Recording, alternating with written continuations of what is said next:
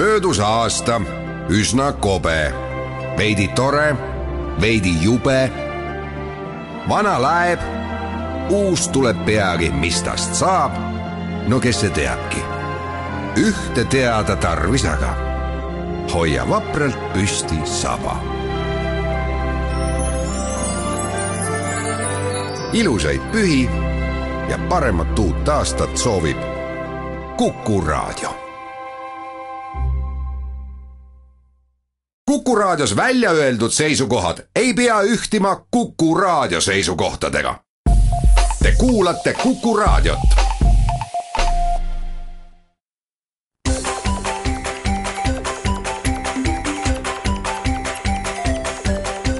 maksumaksja koostöös Eesti Maksumaksjate Liiduga tere päevast, eetris on saade Maksumaksja, mikrofoni ees on Lasse Lehis Eh,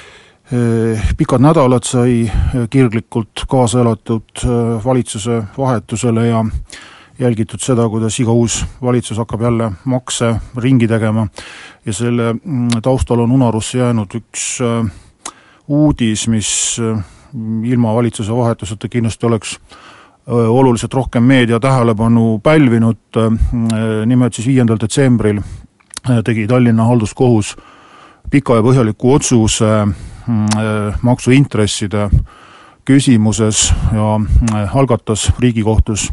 põhiseaduslikkuse järelevalve menetluse, see tähendab, et see otsus ei ole küll lõplik, aga, aga on väga olulise märgi maha pannud. küsimus on siis selles, et äh, maksude tasumisega viivitamise korral nõuab riik intressi, noh, mis oma olemuselt on viivis, aga teda nimetatakse intressiks väga kõrges määras, null koma null kuus protsenti ühes päevas ja aastas teeb see ligi kakskümmend üks protsenti, aga sinna juurde tuleb arvestada veel ka juriidilistel isikutel tulumaksukohustus, nii et tegelik nii-öelda finantskulu siis sellelt laenutootelt, kui nii võib nimetada, on kusagil kahekümne viie protsendi ringis aastas. ja leiti siis tolles kohtulahendis, et see on liiga kõrge ja mitte lihtsalt liiga kõrge, vaid see on põhiseadusega vastuolus, et see määr nii äh, kõrge on. ja kuna see kohtuotsus on suisa kaheksateist lehekülge pikk ja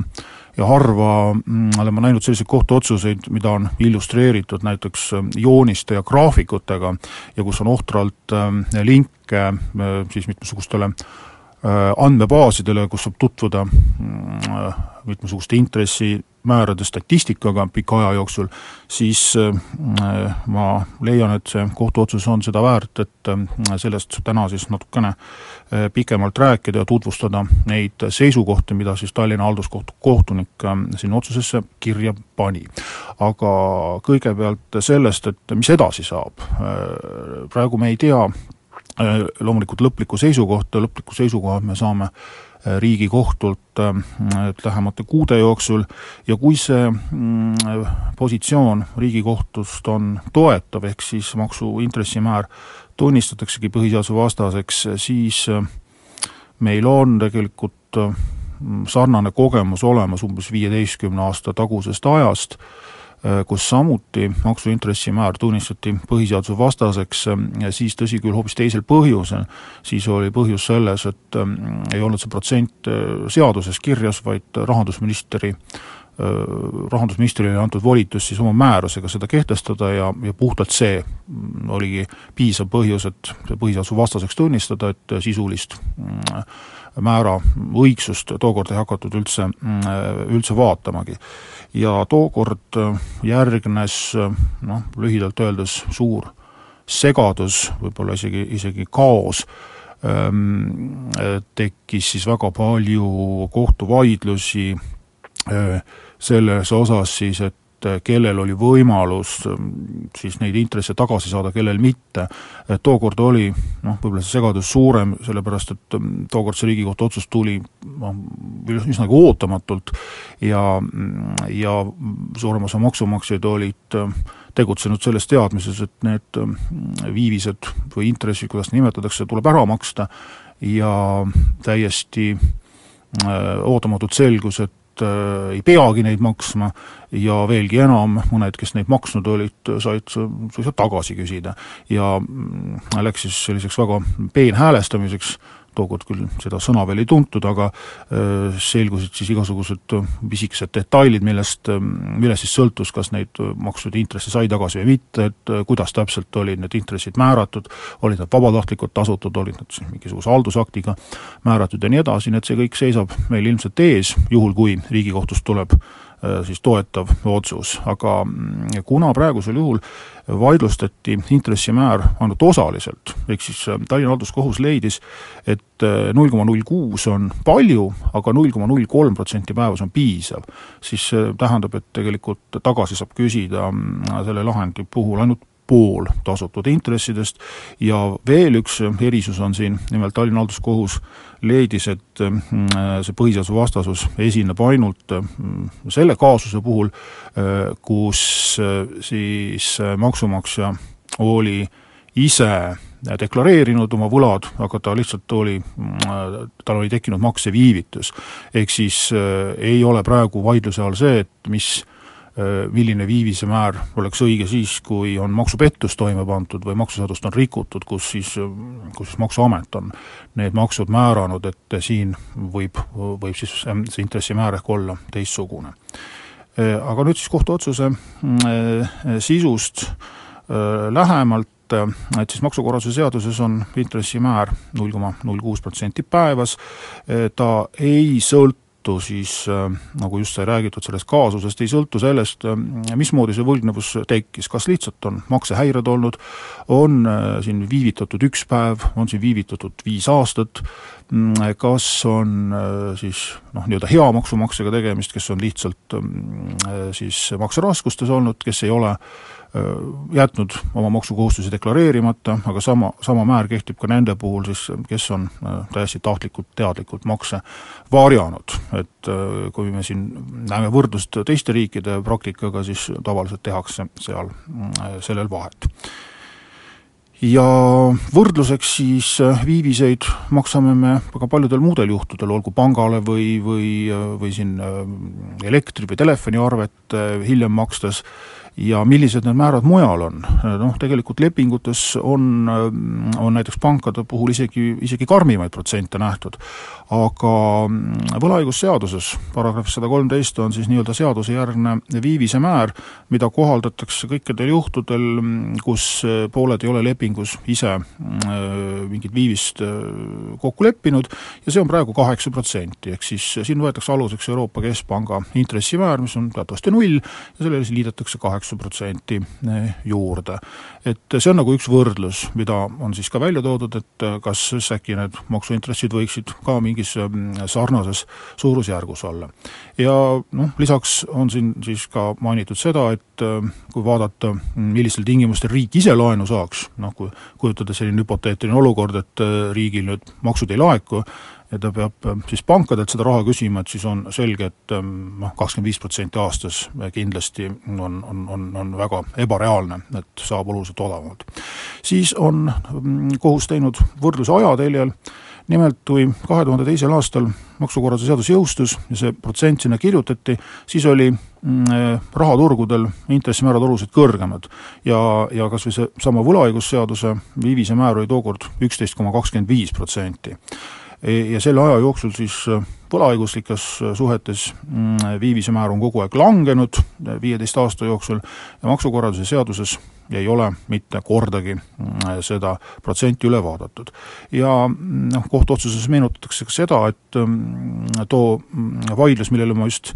alguses viitasin, kahe tuhande teisel aastal, kus äh, siis intressimäär oli varem just rahandusministrile antud, siis äh, seda põhjendatigi just sellega, et, et äh, siis on nagu paindlikum, et rahandusministril on oma määrust lihtsam muuta kui seadust muuta, et kui rahaturgudel olukord muutub, et siis rahandusminister aga muudkui tõstab ja langetab seda määra. aga nagu me nüüd näinud oleme, ei ole, ei ole siin keegi teda tõstnud ega langetanud ja, ja rahandusminister, rahandusministeerium siis oma ametlikus kirjas teatas, et ei olegi üldse oluline ja, ja ei peagi need intressimäärad äh, muutuma. Ja kohus leidis siis, et nii kõrges määras on intress muutunud trahviks, aga trahvil on, on oma, oma menetluskord, et ei saa olla sellist trahvi, mis siin nagu iseennast arvutab Äh, kus ei koostata siis ühtegi menetlusdokumenti, kus ei selgitata välja mm, siis kui, kui suur see seaduse rikkumine oli ja nii edasi ja nii edasi, nii et äh, kui seda intressi nagu trahviga põhjendada, siis oleks ta ka mm, põhiseadusevastane.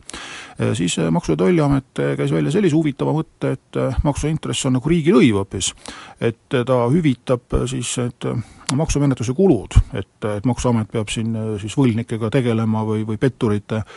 maksuasju uurima ja, ja, ja selle eest nagu mingit teenustasu ei ole, et siis maksuintress võiks olla selle asemel. kohus sellega ei nõustunud, sellepärast et meie mm, konkreetses kaasuses, nagu me mainitud sai, mingit menetlust ei olnud, ehk siis äh, lihtsalt maksud olid ära deklareeritud ja hilinemisega makstud. siis äh, on äh, välja toodud, et ju siis selle intressi eesmärk on mõjutada, distsiplineerida maksumaksjat, et nad ikka kõigil ajal oma maksukohustused täidaksid. Eh, nüüd tuleb mängu õiguskantsler, nimelt et samal ajal, kui see mm, kohtuasi halduskohtus kulges, oli ka õiguskantsleri kantselei omal käel mm, asunud selle teemaga tegelema ja mm, siis ühel hetkel halduskohtunik märkas, et päris palju huvitavat materjali on kogutud, nimelt siis õiguskantsleri kantselei pöördus äh, ekspertide poole ja palus äh, siis välja tuua, et äh, millistel tingimustel siis on võimalik laenu saada ja tekkis vaidlus siis selle üle, et mis see õige võrdlus on. et meil on olemas keskpanga intressimäärad, meil on olemas pankadevahelised laenud, meil on olemas tarbimislaenud, meil on olemas ärilaenud, kodulaenud ja noh, nad kõik on nagu erineva loogikaga ja leiti siis, et on olemas ka noh, võib-olla Eestis ei olda sellega eriti kursis, aga et lisaks pankadevahelistele mm, intressitabelitele on olemas ka maailmas mm, statistika selle kohta siis, milliste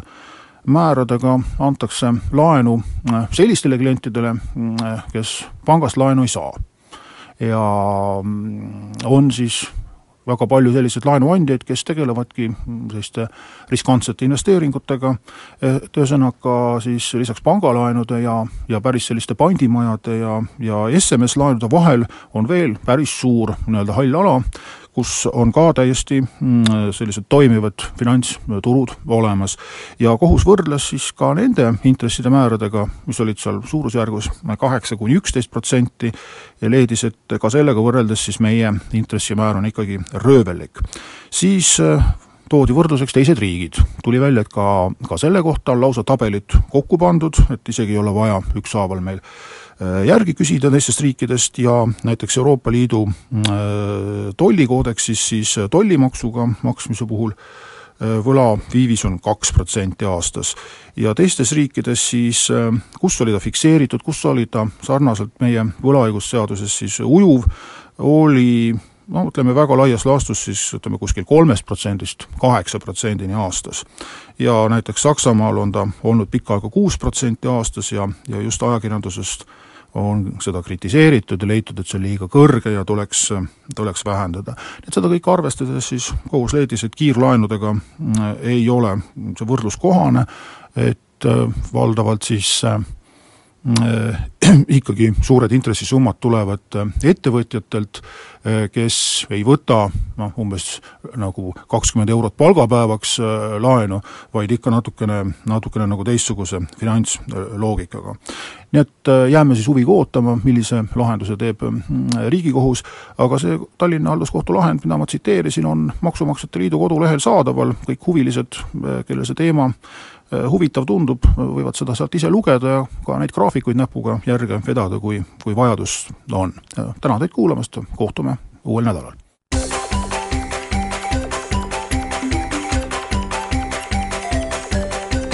maksumaksja koostöös Eesti Maksumaksjate Liiduga